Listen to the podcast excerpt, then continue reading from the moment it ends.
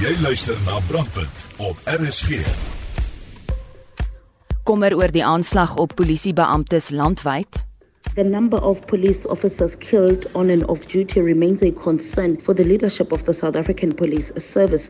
En groot hartseer en woede na die vandalisering van die ikoniese Sycamore Gap boom in Engeland. I hope whoever's done that has a conscience because uh, you've just murdered a sentinel of time. Welkom by die program. Ek is John Marie Verhoef.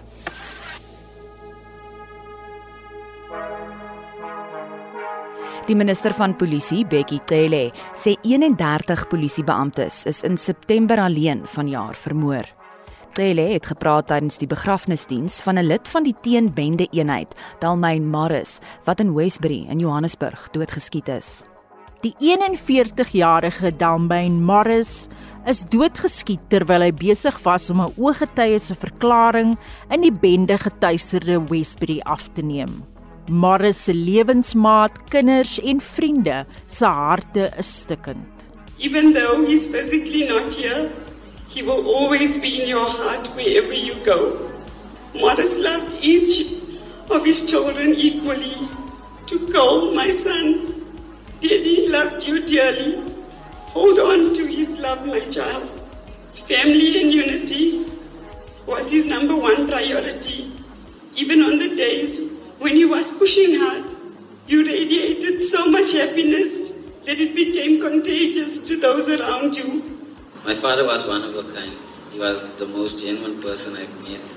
And to me, he was one of the best police officers ever. We've lost a good friend, mentor, the life of the party. We're all gonna miss him. In die Wes-Kaap is 'n polisiebeampte onder die 5 mense wat Saterdag aand in Gugulethu op die Kaapse vlakte doodgeskiet is.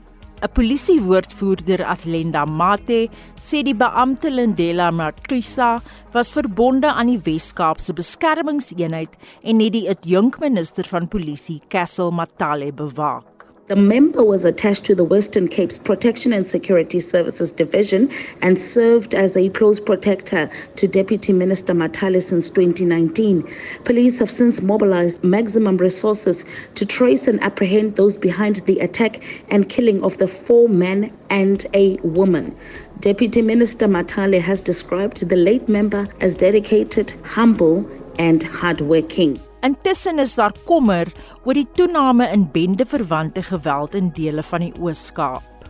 Die burgemeester van Nelson Mandela Bay, Gary van Niekerk, sê gemiddeld van 30 mense word weekliks in die metro vermoor. Bethelsdorp en Galwendale is na bewering die brandpunte. Daar is veral kommer oor skoolkinders se betrokkeheid by bendeverwante geweld. 'n Gemeenskapsaktivis Chris Martin vra vir onmiddellike ingryping. Until this thing is going to spill over into our schools where there's going to be mass serial killings, then it might be too late. We as a community are really calling on General Commissioner Masomela to please come down, must come with his team of experts. Even our tertiary institutions needs to come in. The behavioral side of why are these things happening the way it is happening. So meen 'n gemeenskapsaktivis in Gqeberha, Chris Martin. Ek is Annelien Moses vir SAK nuus. Jy luister na Brandpunt. Eskom het aangekondig dat hy eenheid 3 van die Kusile kragstasie in Mpumalanga weer aangeskakel het. Dit kom 2 maande voor die aanvanklike beplanning. Die verwikkeling kan tot 800 megawatt se krag tot die netwerk voeg. Ons het die kenner Corneel Skabord gevra of ons dus laer fases van beurtkrag kan verwag. Die ander goeie nuus is dat eenheid 1 en eenheid 2 wat ook buite bedryf was, dat daai twee eenhede ook vinniger weer in bedryf gestel kan word. Met ander woorde, dis nog 1600 megawatt wat ons teen die einde van die jaar behoort in bedryf te hê en dan nog goeie nuus boop hierdie is dat eenheid 5 word ook voorsien om in Desember beskikbaar te wees. So hier is heelwat. Ons praat van 3000 megawatt wat teen die einde van die jaar addisioneel beskikbaar gaan wees oorgeset syne 3 fase beurtkrag en as dinge aangaan soos wat dit tans aangaan, Kuiberg is weer vol aanlyn volgende jaar. Dis nog 900 megawatt en dan uiteindelik kan Kusile se laaste eenheid ook volgende jaar Mei aanlyn wees. Dis nog 800 megawatt. Skabord sê daar is egter 'n koste verbonde aan die groot hoeveelheid krag wat nou opgewek word. Ongelukkig nie goeie nuus vir die omgewing nie. Ons weet daar was 'n appel gewees. Ons weet minister Kriese het dit van die hand gewys. Ongelukkig en dis bietjie dubbele standaarde as ek dit so kan stel. 'n maatskappy so Sasol sal nooit in die lewe toegelaat word om kwytgeskel te word van die lisensievereistes nie. Ons het wetgewing juis om die omgewing te beskerm, maar wat nou gebeur is Eskom omseil daai wetgewing, hulle word kwytgeskel daarvan en dit beteken tonne en tonne swaweldioksied gaan die atmosfeer ingepomp word. Dis nie goed vir die omgewing nie, dis nie goed vir die gesondheid van mense nie, maar dit is die realiteit want nou moet twee dinge te mekaar opgeweeg word. Ons het elektrisiteit nodig, maar ons moet die omgewing ook oppas Dit was die kragkenner Corneel Skabord.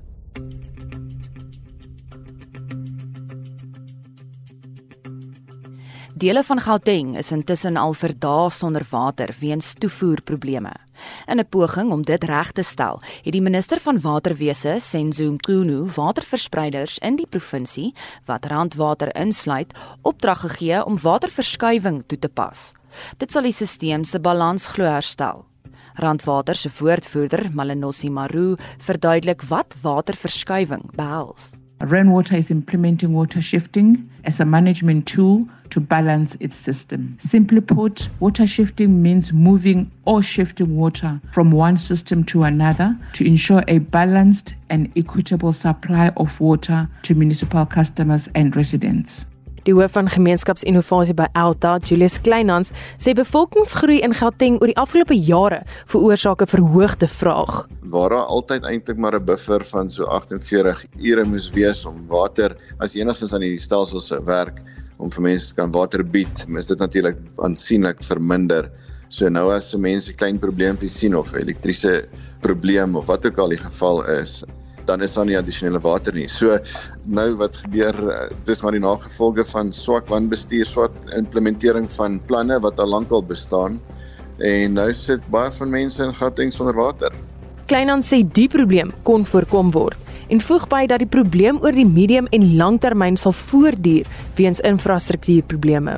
Omdat uh, jou reservoirs leegloop en hierdie verouderde infrastruktuur um, sediment opbou, is daar natuurlik ook nou 'n 'n nuwe risiko vir besoedelde water wat gekontamineer kan word as mense hierdie water drink kan hulle siek word. Ek wil definitief voorstel dat mense seker maak dat hulle of hulle water kook of iets, jy weet, of water wat toets net vir die geval daarvan, jy weet, die sediment bou op en dit word nie regtig word nie regtig onderhou in die reservoirs en goed nie.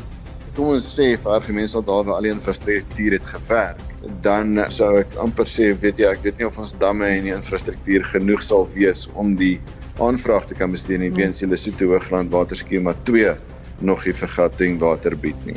Dit was die hoof van gemeenskapsinnovasie by Alta Julius Kleinhans. Ek's Anmina Eckart vir SAK nuus.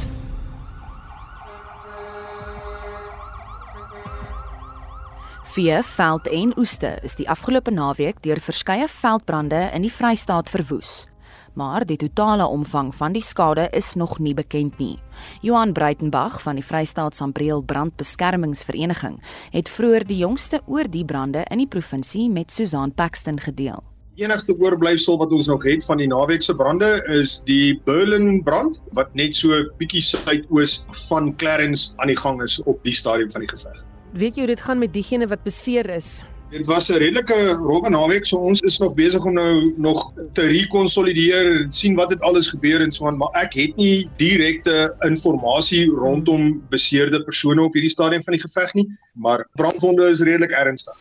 En sê vir my, julle kan dan ook seker nog nie 'n skadebepaling gedoen het nie. Ons het 9 redelike groot vure in die provinsie gehad wat party van hulle minder impak as ander. So skadebepaling oor hierdie groot areas is baie moeilik. Ons weet wel dat daar dat daar veelvuldige skade is. Ons het berig ontvang van diere wat gesterf het. Ons het infrastruktuurskade natuurlik en dan ook geboue wat gebrand het. Onder andere weet ons dan nou op die stadium van een woonhuis wat wel gebrand het en verskeie ongelukke wat veroorsaak is waar daar dan ook ernstige beserings voorgekom het. En het julle genoeg toerusting en hulpbronne om hierdie brande te bestry?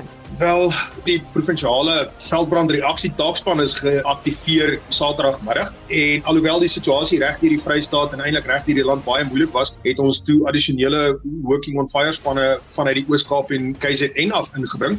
So op die huidige stadium het ons en uh, en ons het toegang gehad tot addisionele hulpbronne. So alhoewel 'n mens altyd meer kan kry en beter koördinering kan kry, was daar definitief besliste hulp gewees wat deurgekom het om bystand te lewer aan plaaslike gemeenskappe.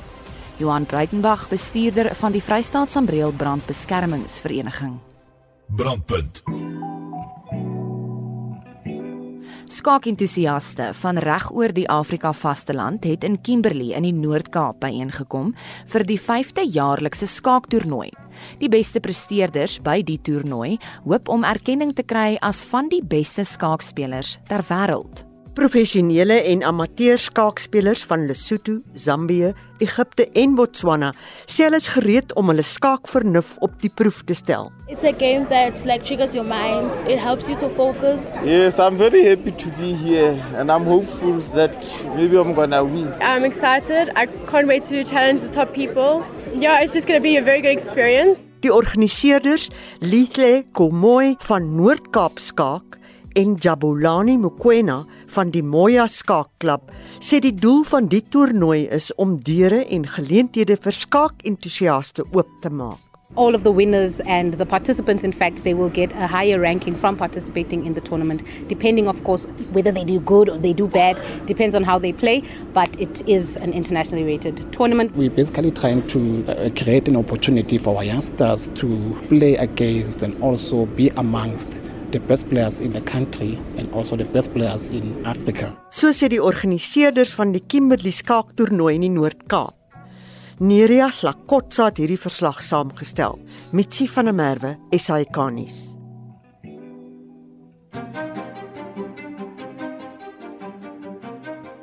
Die polisie in Northumberland in Engeland se ondersoek duur voort nadat 'n meer as 200 jaar oue S-storing verlede week glo deur vandale in die Northumberland Nasionale Park afgekap is. Die sogenaamde Sycamore Gap boom het wêreldwyd bekendheid verwerf nadat dit in 'n toneel vir die 1991 rolprent Robin Hood, Prince of Thieves gebruik is. Die reuse boom wat tussen twee heuwels langs die Adrianusmuur in Northumberland staan, het oor die jare miljoene besoekers na die nasionale park gelok. Die boom is ook in 2016 deur die Woodland Trust as Engeland se boom van die jaar aangewys. Tony Gates, die park se opsigter, sê die Sycamore Gap boom is doelbewus verniel. Hasn't been felled with the consent of the owners or with the knowledge of the national park and it's it's really sad that someone has taken it upon themselves to do what is really a, a terrible act of vandalism. Fotos op sosiale media wys hoe die afgekapte boom oor 'n gedeelte van die Hadrianusmuur lê. Die oorblywende stomp is met wit verfmerke aangetref. Dit lyk asof die boom met 'n kettingsaag bygekom is. Mense het hul skok en afgryse oor die sinnelose voorval op sosiale media gedeel. We've lost the sycamore at Sycamore Gap. Uh, somebody has felled it. Well, I hope whoever's done that has uh, has a conscience because uh, you've just murdered a sentinel of time and elemental spirit of Northumberland. And I hope you feel really good about yourself. I'm quite heartbroken. Yeah, it's just a really sad day. It's just a mindless act that um, a lot of sorrow for a lot of people and a lot of memories for a lot of people are just going to be forgotten. Sad, sad morning. Really sad morning. All the memories for people as well. Destroyed forever. Absolutely shocking. Whoever's done this needs to do some serious time, like serious time. 'n 16-jarige seun is kort na die voorval in hegtenis geneem, maar is weer vrygelaat. Die polisie het nou 'n 60-jarige man in verband met die voorval in hegtenis geneem. Hy is op borgtog vrygelaat en die ondersoek duur voort. En daarmee groet ons tot môre middag om kwart voor 6. Die brandpuntspan vandag was Daitrin Godfrey, Anmanay Eckart en ek is John Marie Verhoef.